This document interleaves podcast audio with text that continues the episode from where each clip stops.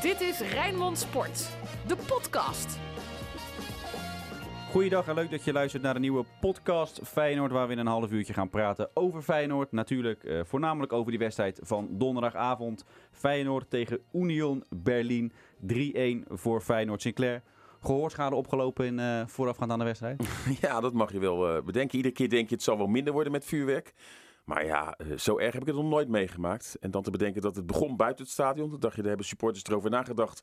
Ja, wat er toen allemaal eh, werd afgeknald. Ongelooflijk. Wij zaten in het stadion eh, Sinclair Ruud. voor tv was het ook zo heftig als wij in het stadion hebben beleefd? Ja, tuurlijk. Tuurlijk, het, was, eh, het, ging, het ging aardig los. Maar eigenlijk vind ik, laten we dit eh, gewoon eh, een beetje negeren. Want door er aandacht aan te besteden wordt het alleen maar erger, heb ik het idee. Dus laten we vooral focussen op eh, het fantastische feest op het veld. Rood, wit, bloed, zweet. Geen woorden maar daden. Alles over Feyenoord. Sinclair Arne Slot zei vooraf, ik heb wedstrijden van Union Berlin gezien. En het waren eigenlijk allemaal hele vervelende wedstrijden. Dus voor het publiek, voor de neutrale toeschouwer, wordt het waarschijnlijk geen leuke wedstrijd. Dan zat hij er even naast. Eh, ja, eh, heeft natuurlijk ook mee te maken dat Feyenoord vroeg scoort. De eerste de beste kans is eh, direct raak, waardoor zo'n wedstrijd gelijk op gang komt. Maar ja, op zich heeft Feyenoord niet veel weggegeven. En waar was het natuurlijk qua voetbaltechnische kwaliteiten... waren het wel veel lange ballen van de tegenstander. Dat maakt een wedstrijd natuurlijk niet aantrekkelijk. Maar ja, zeker vanuit Feyenoord oogpunt, heerlijke wedstrijd. Ja, want Ruud, hoe Feyenoord begint, ook tegen Praag begonnen ze overweldigend. Nu Union Berlin weer, waarvan iedereen van tevoren had verwacht, de nummer 5 van Duitsland. Eh, dat zou wel eens een zware kluif kunnen worden. Maar ja, dat idee had je zeker in, in de eerste helft op het veld niet. Nee, maar dat zie je ook. Hè? Als, je, als je kijkt naar die, die, die groepsfase Europa, eh, een aantal ploegen eh, ziet dat een beetje van als een free ride. We halen het toch wel. en beginnen in een wat lagere versnelling. En het is heel goed wat, wat Slot nu doet. Niks afwachten, er bovenop klappen. Laat ze maar gewoon zich doodschrikken, die ploegen. En het is best wel naïef, vind ik, dat sommige ploegen door Feyenoord nog steeds verrast worden. Door de manier waarop ze beginnen. Want dat- dat doen ze nou onder Arne Slot namelijk al het hele seizoen zo. Dus ik vind het echt bijzonder. Maar Feyenoord pakt zo'n Duitse ploeg gewoon bij de ballen. En laat gewoon niet meer los. En dan is het Jan Baks die, die 1-0 maakt. Ja, en dan, dan, dan liggen de kaarten ineens heel anders op tafel. En eh, ik vind dat eh, ja, Slot dat gewoon ontzettend goed doet. Kleine aanpassing maken. Eh, niet, niet denken van ik, ik speel mijn eigen spel, want ik ben een fossiel uit, uit 1923. Nee, ik ben een moderne trainer uit 2021. Ik pas me een klein beetje aan. Wel onze eigen basisprincipes blijven hanteren. En gewoon die ploeg bij de strot pakken. Dat doen ze gewoon iedere keer hartstikke goed. Maar ploegen als AS Roma en Spurs, die, die, die onderschatten het wel. Maar ik heb niet het idee dat Union, dat nog nauwelijks Europese ervaring heeft, dat die het onderschat hebben. Misschien Nee. hebben wij die ploeg ook wel wat groter gemaakt. Hè? Want eh, ze staan er nu ook wel weer goed voor. Maar het is natuurlijk een ploeg die jarenlang op tweede Bundesliga niveau. Volgens mij eh, waren ze juist, zijn ze dit niet gewend en werden ze daardoor... Nee, precies. Ik zeg niet, ik, onderschatting is niet het juiste woord. Maar wel, dit is een ploeg die vijfde staat in de, in de Bundesliga. Die speelt tegen ploegen als, als, als Le- eh, Dortmund en, en, en Bayern München. En Feyenoord slaan zij gewoon lager aan. Dat, dat zie je gewoon aan alles. En Feyenoord is niet een free, free ride. Misschien verwoord ik het wel verkeerd. Maar eh, ze, ze, ze moeten zondag uit naar Stuttgart. Dat, dat vinden ze wellicht belangrijker dan, dan uit bij Feyenoord. Ja, dan pak ze maar bij de ballen. En dat is goed gedaan. Ja, want is, voor Feyenoord is de Conference League eh, eh, misschien wel eh, heel belangrijk. En inderdaad, voor dat soort clubs die hadden misschien wel gehoopt dat ze Europa League zouden spelen. En is het eigenlijk een Nou, soort... Union Ja, niet. Nee, maar Union de- is, de- is een ploeg die echt heel blij is. Eigenlijk is Hertha de ploeg daar in Berlijn die natuurlijk... En die halen niet eens Europees voetbal. Dus eh, eh, ik had ook het idee, en ook als je die perschef en allemaal ziet... ze vonden het zo fantastisch dat ze in Europa mee mogen doen. Dat is natuurlijk met andere Duitse tegenstanders wel anders. Alleen, als je dan kijkt naar wat er op het veld staat... Ja, hoor je ongeveer wel gelijkwaardig te zijn. Hè? Want ze hebben qua geld en qua vijfde plek Bundesliga op dit moment. Ik sluit ook niet uit dat die ploeg nog gaat zakken. Want ik vond ze nou niet echt heel erg sterk. Ehm, maar ja, eh, Feyenoord doet het ook gewoon goed in die thuiswedstrijden. Daar moet je het ook van hebben. Mede misschien eh, gedragen door het publiek. En je ziet dat alles in die pool open is. Als dan ook, eh, eh, eh, dat werd eigenlijk al door Arne Slot voorspeld. Dat niet iedereen bij Haifa ging winnen. Toen Feyenoord daar 0-0 speelde. Nou, Slavia Praag gaat daar toch ook ja. kopje onder. En dat is, dat, dat is denk ik het mooie. Dat als je gewoon je, je thuiswedstrijden wint. Dat je heel ver kan komen. We hebben het altijd over het, het smalle Feyenoord. Hè? Dat hebben we met z'n allen. Publiek, pers, iedereen heeft het daarover. Hè? Maar dat, dan zit ik gisteravond zo te kijken. En als je dan in de 83ste minuut Arsnes, Nelson en Dessers in kan laten vallen. Heb je best een aardig bankje hoor. Ja, maar daarachter zit dus niks. Nee, maar oké. maar eh Senesi was er niet bij. Hè? Dus Geertruida speelde. Maar, maar eh, als je kijkt, eh, Feyenoord heeft gewoon 15, 16 gewoon zeer goede spelers. Ten opzichte van, van andere jaren. Hè? En, en wordt dus ook nog eens heel goed getraind. En dan denk ik van ja, tuurlijk, het is, het is niet heel breed. Maar het is ook niet heel smal. Want wat ik zeg, als je deze, dit trio hebt zitten, Nou, dan kan je niet zeggen van, dan kan je niet spreken van een slechte bank. Nee, het is meer de, de, de bepaalde posities. Hè, dat het vooral eh, achterin. Want Geertruida valt dan nu in voor Senesi. En daarachter zit gewoon... Ja, zitten jeugdspelers. Dat is, Hendricks, Dat, Hendricks en eh, Hal en dat soort eh Op zich is dat niet erg als je gevrijwaard blijft bij blessures. Ik bedoel, je bij, Ja. bij, gisteren bij PSV valt dan wel Gakpo en maar de weken uit. Ja, dan heb je gelijk het probleem als dat bij Feyenoord bij twee toch basisspelers. Maar als je gevrijwaard en eentje, nou nu is Senesi er niet bij. Als het er bij één of twee blijft, dan kan Feyenoord inderdaad, ben ik met Ruud eens, gewoon op blijven, op blijven vangen. Het voetbal is altijd zo heel leuk. Want tegen eh, RKC zat het een beetje tegen. En schoot RKC de eerste twee kansen. En nu Feyenoord maken ze zelf de eerste twee mogelijkheden. En ja, het viel ook allemaal wel heel goed. Hè? Guus die de bal verkeerd raakt. Waardoor twee verdedigers er net niet bij kunnen. En Jan maakt. En Linsen die een heel slim duwtje geeft. Er is geen VAR. Eh, ik denk ook niet dat de VAR hem had afgekeurd. eh, want het was een heel licht duwtje. En het valt precies op de knie. En ja, Linsen eh, maakt hem. En dan sta je in één keer 2-0 voor. Ja, het is wel, er scheelt wel een slok op een borrel natuurlijk. Feyenoord met Sinistera en afgelopen zaterdag Feyenoord zonder Sinistera. Daarbij ga ik nu even mijn gelijk halen. Nooit meer schuiven met Linsen. Altijd in de spits zetten, zolang je geen betere hebt. Maar dat gelijk halen op basis van eh, eh, dat de kansen niet werden afgemaakt. Want zo zonder Sinistera en met Dessus moet je toch van RKC winnen. En dat er inderdaad geschoven kan worden. eh, er was geen linksbuiten voorhanden. En op Ja, basis van dat het 2-2 wordt, is maar het toch niet gelijk dat, dat die Jawel. keuze... Nee, maar op het moment dat je gaat schuiven met je spits naar linksbuiten, je bent Sinistera kwijt, dat maakt je zwakker. En je gaat je spits weghalen, ben je op twee plekken zwakker. Kan je beter zorgen dat je op één plek zwakker bent. Dat gebeurde zaterdag. Gisteren is Sinistera er gelukkig wel bij. En dan zie je gewoon, Linsen was toch volgens mij de uitblinker, of niet? Ja, maar eh, we hebben in dit seizoen ook al gezien dat bijvoorbeeld Toornstra, die we zeggen, komt het meest tot zijn recht op middenveld. Die wordt twee keer er wordt mee geschoven, die wordt rechtsbuiten gezet. En ze winnen met 0-4 bij Willem II Nee, met 0-4 het, bij ik heb het PSV. over de cruciale positie van spits. De cru- die is cruciaal bij Feyenoord. Hoor ik iedereen nou, we moeten spits halen. Dit, het gaat altijd over de spits. Het gaat altijd daarover. En dan hebben we er eindelijk eentje die goed functioneert binnen de mogelijkheden. Dan moet je die gewoon lekker laten staan. Maar dan moet je met, lekker met als je dan gaat schuiven, schuif met anderen. Maar niet met je spits. Maar je hebt gelijk als Feyenoord bijna geen kansen creëerde. Maar deze wedstrijd was toch Nee, gewoon een ongelukkige samenloop van omstandigheden die je uiteindelijk Ja, niet wint. nee, waarom win je hem niet? Omdat je een zwakkere spits neerzet. Ja, maar anders, je, je linksbuitenpositie, die kon je niet invullen. Want Nee, je Nelson kon je, niet hebt, je spelen. hebt een goede spits die goed presteert. Die ga je dan weghalen. Dan word je op twee plekken zwakker.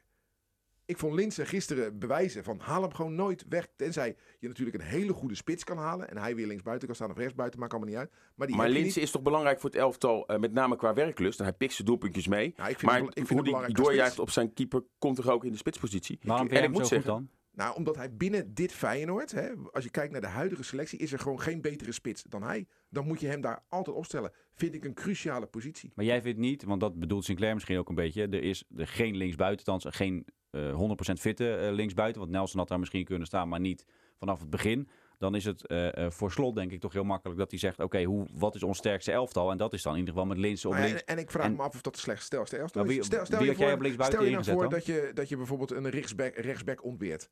Ga je dan Trouwen daar neerzetten en een hele Nee, zwakke maar, maar Linse heeft daar jarenlang gespeeld. Dus is Nee, niet, maar, niet, nee, niet- maar het gaat erom dat Feyenoord, eh, dat heb ik al toen, eh, toen Jurgensen er nog was en toen kwam Prato en hoe ze allemaal gegeten hebben, altijd problemen heeft gehad de laatste maanden, de laatste jaren in de spits. Nou hebben we er eentje eindelijk die voldoet.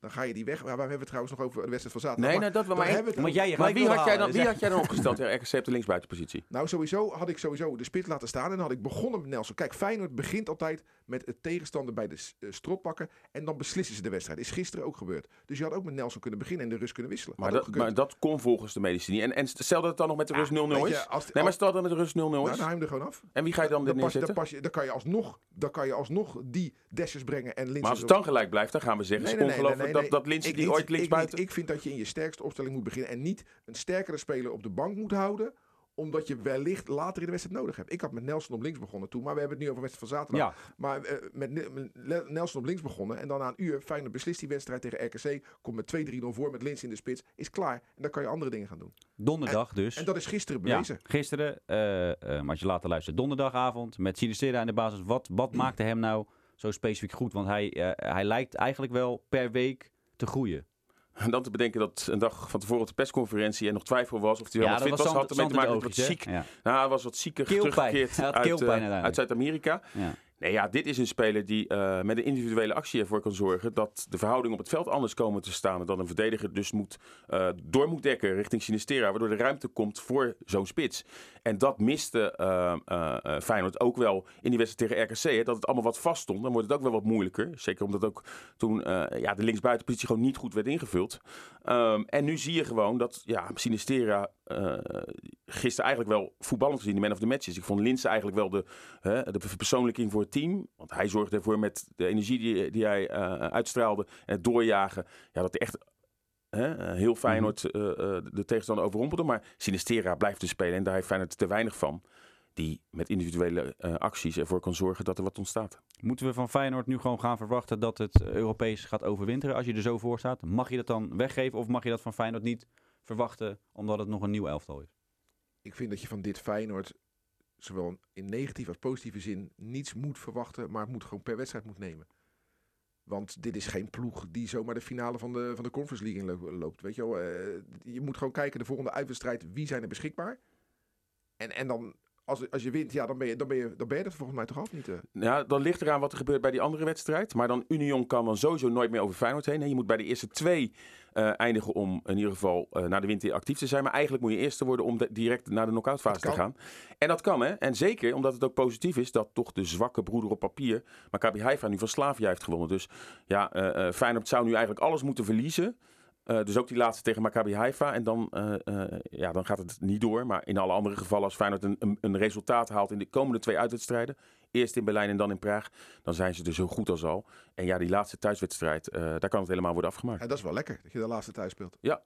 Wie was voor jou naast Linse eh, nog meer de uitblinker waarvan Ja. jij dacht, Sinisterra. ja? Ik vind het balletje van Til bij de, bij de derde goal van Feyenoord ook heerlijk hoor. Op Linsen. En dan goed geanticipeerd door Sinisterra. Vond ik typerend voor, voor Feyenoord. Hè. Eh, Dat, dat, ja, die Til, slimme jongen.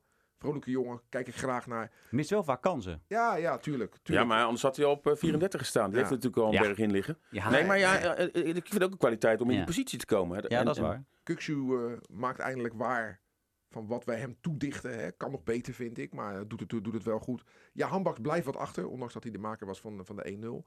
Eén iemand noemt eh, eh, eh, de, de stille kracht. Centraal achterin. Trauner. Ja, die was toch gewoon Ja, die was ook goed. Die was ook goed. Zeker. Maar ik was nog pas bij de middenlinie. Oh, je begint even het Nee, hele nee, elftal. maar, nee, maar Feyenoord, dit was een, een uitstekende teamprestatie. En eh, ja, als ik dan toch een van de uitblinkers moet noemen, noem ik Arne Slot.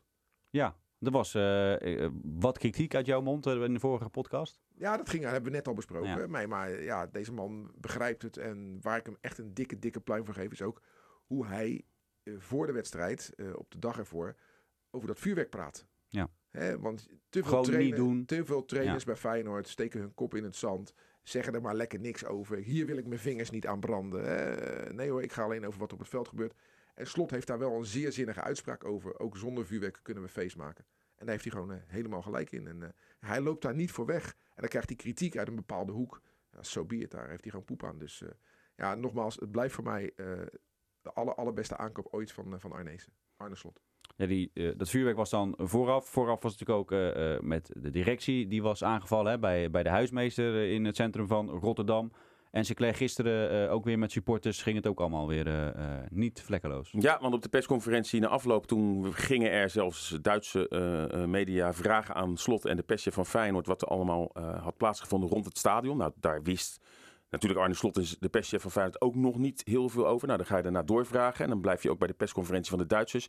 En dan gaan de vragen niet over de nederlaag, ook richting de trainer niet. Dan is het alleen maar dat het ongelooflijk is dat er bij een grote club als Feyenoord een slechte organisatie was. Want heel veel Duitse supporters die de reis hadden gemaakt, die konden pas na rust het stadion in. Ondanks dat ze wel geldige toegangsbewijzen hadden. En werden daarna ook nog door politie eh, geslagen. Met honden. Eh, en, met eh, honden, die werden dus niet goed ontvangen. Daarbij kregen we ook nog verhalen door dat er een hele groep Duitse supporters op zoek ging naar Feyenoord kroegen en Feyenoord supporters. Dus eh, ja, dat zijn zijn wel bijna wat- 60 aan, of bijna er zijn 70 60 aangehouden. supporters aangehouden. Dat zijn allemaal randzaken eh, eh, wat ja, het over twee weken natuurlijk niet gezellig maakt. Hè? Als we al weten dat er 7000 supporters van Feyenoord de reis naar Berlijn willen maken. Nou, alles wat er nu eh, heeft afgespeeld, ja, dan is het de utopie om te denken dat daar niks gaat gebeuren. Dus ik hou mijn hart vast. Ik denk iedereen of dat wel eh, eh, goed gaat komen. Want eh, ehm, sowieso gaan er al 7000 Feyenoorders, waaronder ook hooligans van Feyenoord daarheen Ja, want er reizen. zijn maar 2800 kaarten eh, beschikbaar, toch? Klopt. En dan ga je naar een stad eh, die gevoelig ligt. En dan ga je ook nog naar een, een- een club die niet alleen door de 3-1 nederlaag, maar met name over hoe zij vinden dat zij behandeld zijn en hun bestuur is aangevallen, natuurlijk ook niet op Rotterdammers zitten te wachten. Dus eh, voetballend kan het een mooi feest worden over twee weken, omdat Feyenoord zich kan plaatsen. Maar ik hou mijn hart echt vast voor eh, eh, ongeregeldheden en Maar- andere incidenten. Moet Bestaat, willen, er, bestaat de kans nog dat er een streep doorheen gaat? Ja, maar wie gaat daar? eh, dan moet de burgemeester uit Berlijn, want de club zelf kan dat niet doen, Union. Ze kan niet zeggen, we, we laten nu niets toe omdat wij zo eh, slecht ontvangen zijn. Waarom niet? Volgens mij mag dat niet zomaar van de UEFA. Dan moeten er echt daadwerkelijk. Kijk, Feyenoord. eh dat moet helemaal worden uitgezocht wat daar dan mis is gegaan. Waardoor eh die supporters niet het stadion in konden. Daar ligt de vrever dat die 60 supporters van Berlijn de, de wijk in, bij Feyenoord ingaan. Daar kan Feyenoord zelf natuurlijk niets aan doen. Dus ja, Union moet wel heel sterk staan. Ze kunnen natuurlijk wel op basis van dat hun bestuur is aangevallen.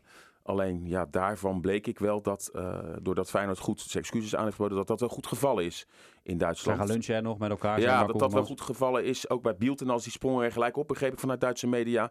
Maar die eh, vonden het echt wel heel goed hoe Feyenoord zich eh, veel van leer had getrokken. En ik, ik, moet ook zeggen, ik, ik vind dit moet je ook doen als bestuur. En we hebben natuurlijk de laatste tijd incident gehad, of het nou met Berghuis was, over de bedreigingen, over het ingooien van het huis, de, de ramen bij, eh, bij Feyenoord. En dan, dan liet Feyenoord zo weinig van zich horen. Vorig jaar bij de laatste wedstrijd RKC, dat supporters het stadion in kwamen in die coronatijd. En toen kwam eigenlijk nul reactie. En nu trok Feyenoord fel van leer voor de eerste keer. Het lijkt of Feyenoord nu echt het punt heeft van tot hier en niet verder. Ja, daarover gesproken, moet Feyenoord zelf wel eh, willen dat er zoveel supporters in Berlijn eh, komen? Want we weten allemaal Rome nog. Ja, ja, het zou me niet verbazen als er een streep doorheen gaat. Maar, Door, door de, de uitsupporters naar, naar Berlijn. maar dan, dat, dat maakt het denk ik alleen eh, voor de autoriteiten daar lastiger. Want er zijn wel 2800 mensen die reizen, vliegtickets, alles hebben. Eh, sorry, 7000 eh, eh, supporters. 2800 kaarten. Je zou eigenlijk moeten pleiten dat die 7000 ook in dat hele grote stadion maar binnen zijn. Dan heb je er zicht op. Maar je moet er toch, ja, je- het gaat natuurlijk gewoon gebeuren dadelijk dat er 2800 fans in het stadion zijn. Nou, die kunnen dan relatief goed in de gaten worden gehouden of die zich nu kunnen misdragen. Maar die andere 5000, die ergens op pleinen. Nou, maar jij weet ook, stel dat nu een streep door die wedstrijd wordt gezet qua uitsupporters, dan gaan er geen 7000, dan gaan er minder. maar er gaan er duizend die Ja, precies, er gaan er nog wel, maar dat is makkelijker te controleren dan 7000 natuurlijk. Ja. Dus het, ik- het zou me niet verbazen als er alsnog een streep doorheen gaat. Nee, het is over twee weken al, hè, dus het is ook wel een vrij kort dag, eh, eh, wat jij zegt, om het allemaal te onderzoeken en het eventueel eh, eh, te verbieden. Ehm, maar goed, het is wel de, de, de nare keerzijde van, van voetbal. Hè? Want het is wat, wat we net al constateerden op het veld, is het een voetbalfeest. En alles daarbuiten is het eh, vaak, eh, als het Feyenoord is eh, eh, en Europese wedstrijden, gaat het gewoon fout. Er zijn mensen die denken en vinden dat dit erbij hoort. Nou ja, dat, daar ben ik het totaal niet mee eens. Ja, ik maak me wel zorgen. Het is, het is natuurlijk de laatste tijd schering en inslag. Hè. Normaal verwacht je het inderdaad bij ADO, bij Feyenoord. Maar, NEC ja, ook- Vitesse was NEC, ook een drama. Vitesse, maar ja. we hebben de gekste wedstrijden gezien bij, bij, bij, bij Twente, bij Go Ja. Ahead. in België, in Frankrijk, dat supporters gewoon in het stadion. Hè. Het, is, Ja. het, is, het is echt een probleem nu aan het worden. En of dat nou met de corona te maken heeft, dat mensen lang niet in het stadion zijn geweest. De frustratie die ze hebben, dat we ook zien hè, op pleinen eh, anti-corona-demonstraties. dat ze dan denken, dan maar eh, in het stadion. Maar eh, ja, wat we tegenwoordig meemaken. En ook weer het bier gooien. Gisteren waren dan netten, zag je er ook wel weer bier. Ja, ja. eh, wat, wat, wat, waarmee gegooid werd. Ja, hoe ga je dit nou stoppen? Eh, wa- wat, wat Feyenoord betreft, weet je wel, eh, het, het argument voor, voor met name de mensen die tegen de bouw van een nieuw stadion zijn. Joh, daar, daar zijn al tientallen miljoenen aan gespendeerd, hè, aan de ontwikkeling van het nieuwe stadion. Dus hebben wij het recht om vuurwerk af te steken en die boete maar te, te, te veroorzaken. Want ja, dat, dat is maar 50.000. Ja, dan haak ik geestelijk even af hoor. Eh, FC Rijnmond. Archief. Vooruitkijken eh, deden we net over twee weken naar Berlijn. Maar zondag wacht alweer een uitwedstrijd voor Feyenoord. En een uitwedstrijd voor Feyenoord, dit keer tegen Cambuur. Na een Europees geweldig resultaat houden we weer ons hart vast. nee joh, schij alsjeblieft uit. Hoezo? Nou, de wedstrijd Cambuur Feyenoord is, is, is nog niet heel vaak gespeeld. Feyenoord heeft daar uit mijn hoofd gezegd nog nooit verloren. Ehm. Nou, mooi moment. Nee, ge- grapje. nee, maar ehm, eh, jij wil naar een natuurlijk historische wedstrijd. Ik weet nog een keer dat Feyenoord onder Leo Beenhakker daar met 1-5 won. Kroes, eh goede Ricardo Kroes, werd nog relatief bekritiseerd. Uh, kwam wel onder, ad- eh, onder Beenhakker al wel weer tot wasdom. Want daarvoor was het eigenlijk een miskoop onder Ariaan. En toen maakte hij een geweldige goal. Een 1-5 overwinning van Feyenoord van iets over de middenlijn. ja, in die fase brak hij echt door. Dat was ook vlak na Juventus, oh, oh, toen hij de twee keer Mhm. scoorde. Dus ja, ik, ik was daar aanwezig en ik kan me dat doelpunt nog herinneren. Eh, ik was toen nog fan van hem, maar dat was het moment dat ik in die jaren fan was van Julio Ricardo Cruz. Julio Ricardo Cruz. Ah, ik wil het over een andere topspits hebben hoor. Wat was het? eh 16 augustus 2015. Ik moet eerlijk zeggen, Cambuur Feyenoord vind ik niet een wedstrijd. Daar kunnen beide partijen gewoon niks aan doen. Hebben gewoon niet te vaak tegen elkaar gespeeld. Waar heel veel historie Nee. aan hangt. Maar op zondag eh, 16 augustus 2015 viel in de 60ste minuut een spits in bij Feyenoord. Die gelijk scoorde. Bij zijn debuut. En eh, ja, iedereen weet het nog natuurlijk. Hè. Michiel Kramer. Zo. Zegt dit even enig, enigszins cynisch. Nou ja, we, we hebben wel een themaatje eh, deze uitzending. Het, de spitsen. ja, hè? Feyenoord won daar Kroes. met de 2-0. eh, Kramer eh, Laat doelpunt volgens mij pas? Kopte in de 77ste minuut zoiets, een ja. voorzet van Bilal binnen. Daarna nog een Dirk Kuyt met een strafschop. Dat was het jaar voor het kampioenschap. En dat jaar won Feyenoord in de finale de, van Utrecht en Ja. wist het de beker te winnen. Dit, eh, deze Cambuur Feyenoord was een, eh, een competitiewedstrijd. En wat ik vooral wil benadrukken, we praten dan over zes jaar geleden. Nou, wat is nou zes jaar op een mensenleven? Helemaal niks. Maar dan is de opstelling van Feyenoord Vermeer, Karsdorp, Van Beek, Congolo, Van der Heijden, Vijnovic, El Amadi, Toornstra, Kuit, Kazim Richards, Bassa Sikoglu. Het lijkt wel een miljoen jaar geleden. Ja, dat was inderdaad zo. En toen haalde Feyenoord, van Bronckhorst was natuurlijk ook begonnen. En er was heel veel twijfel, welke spits moeten we nou halen? Nou, eh, toen kwam de naam van Michiel Kramer, omdat hij en Feyenoord-fan was en het goed had bij ADO. En toen was er natuurlijk heel veel kritiek. Mhm. En ook eh, bijvoorbeeld Henk Vrezen zei toen, nou ja, ik zou als Feyenoord, ik ken hem van ADO, eh, ik zou hem niet halen, moet je echt mee heel erg mee aan de slag. En dat was wel het moment dat hij erin kwam en scoorde. En dat dan de hoop er bij heel veel supporters is, gaat het dan toch lukken? Want ook, ja, bij iedereen was er wel, wat moet Feyenoord nou met Kramer? Nou, uiteindelijk is het inderdaad ook mislukt als echte basisspeler. Al heeft hij toch nog redelijk zijn verdiensten gehad door vaak als invaller zijn eh, goals te maken. Maar toen, zeker aan het begin, eh, was het wel van, ja, Kazim Richards, dat hebben we nou wel een beetje gezien. Eh, Kramer kwam. Uiteindelijk heeft Kramer toen Kazim Richards ook uit de basis eh, verdreven. Zelfs in de winterstop is Kazim toen weggegaan. Hè, na een incident dat hij zelfs eh Mikko Schauka AD. Eh, eh, verslaggever toen eh, te lijf ging. Omdat er toen ook heel veel kritiek was op Kazim Richards. Nou, toen kwam Feyenoord er in de zomer wel achter natuurlijk dat toch Kramer ook niet helemaal het was. Toen kwam Jurgensen en werd Feyenoord kampioen. En had Kramer toch nog een, eh, een mooie bijrol. Colin Kazim Richards. Dan denk ik altijd in welke gevangenis zou die zitten. Die speelt gewoon weer in Engeland. Hè? Bij, ehm, volgens mij bij Derby County of zo. Of Burnley, een van die Wat ploegen. een idioot was dat. Ja. Dat zich nog wel een een prima, idioot. prima spits, toch? Nee, het was ook Ik even eigenlijk. af nu. hè. Ja? Opnieuw. Oké. Nou, jij zei nog even één ding over... eh, eh, ik zei eh, eh, een lastige uitwedstrijd voor Feyenoord na een Europese wedstrijd. Maar daar ben jij het totaal niet mee eens. Het wordt een walkover. Dit is een ander Feyenoord. Hè? Dit is een Feyenoord onder leiding van een eh, goede trainer die nadenkt over Die wel van. Vitesse en Utrecht verloren hè, Ik daarna. heb eh, afgelopen woensdag weer eh, de achtste aflevering van de Disney zitten kijken. Ik heb zelfs eh, acht woensdagen achter elkaar jankend zitten kijken. och, och, och, met zoveel amateurisme. Ik kan het gewoon niet aan. En het contrast met het huidige Feyenoord is zo groot. Nee, eh, onder leiding van Arne Slot wordt er gewoon gewonnen zondag in Cambuur. Zijn oude clubje. hè? Ja, Hij is Ja. daar trainer ja, geweest, is daar- dus, ja hij heeft heel veel met die club. Eh, het is wel zo dat Feyenoord nu twee keer op kunstgras gaat spelen. Hè? Wedstrijd nou ook tegen Sparta. Nou, Feyenoord heeft één keer, nou, Feyenoord heeft één keer dit jaar op kunstgras gespeeld. Dat was bij Elsborg en dat was nou niet je van het. Nee. Eh, maar goed, toen was Feyenoord al zo goed als geplaatst. Maar dat kan nog wel een, eh, een themaatje worden, dat kunstgras. Hè? Dat, dat, dat de laatste twee, eh, of de komende twee wedstrijden de ondermat is bij Feyenoord. Ja, tot slot. eh, Senesi hopelijk is hij erbij. Die was koortsig. Ja. Die, viel, die was er wel gewoon bij bij de Al wedstrijdbespreking. heeft Geertruida het relatief goed gedaan. Hè? Ja. Maar die is naar huis gegaan omdat hij zich niet lekker voelde. Wat eh Sinistera aan het begin van de week ook al. Die is vrij snel hersteld. Dus laten we hopen dat Senesi er ook gewoon bij is. De wedstrijd natuurlijk te volgen vanaf half drie. Jij gaat met Dennis lekker naar Leeuwarden. Wij zijn er al vanaf negen uur met de marathon. Dus ben je sportliefhebber zou ik hem lekker vanaf 9 uur inschakelen. En wij zijn, als, zodra de opstelling bekend wordt, eh, schakelen wij gelijk naar de mannen uit eh, de mannen in eh, Friesland. Dus we zijn daar gewoon bij. Uiteraard zijn we ook bij RKC Sparta. ADO Excelsior zijn we bij. We zijn overal bij.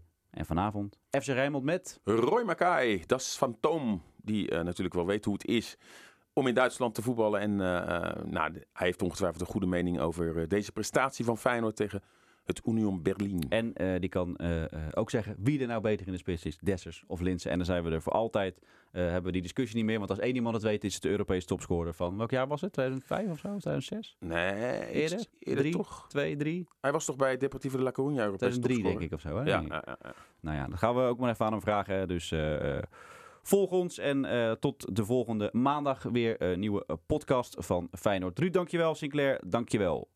Dit was Rijnmond Sport, de podcast. Meer sportnieuws op Rijnmond.nl en de Rijnmond app.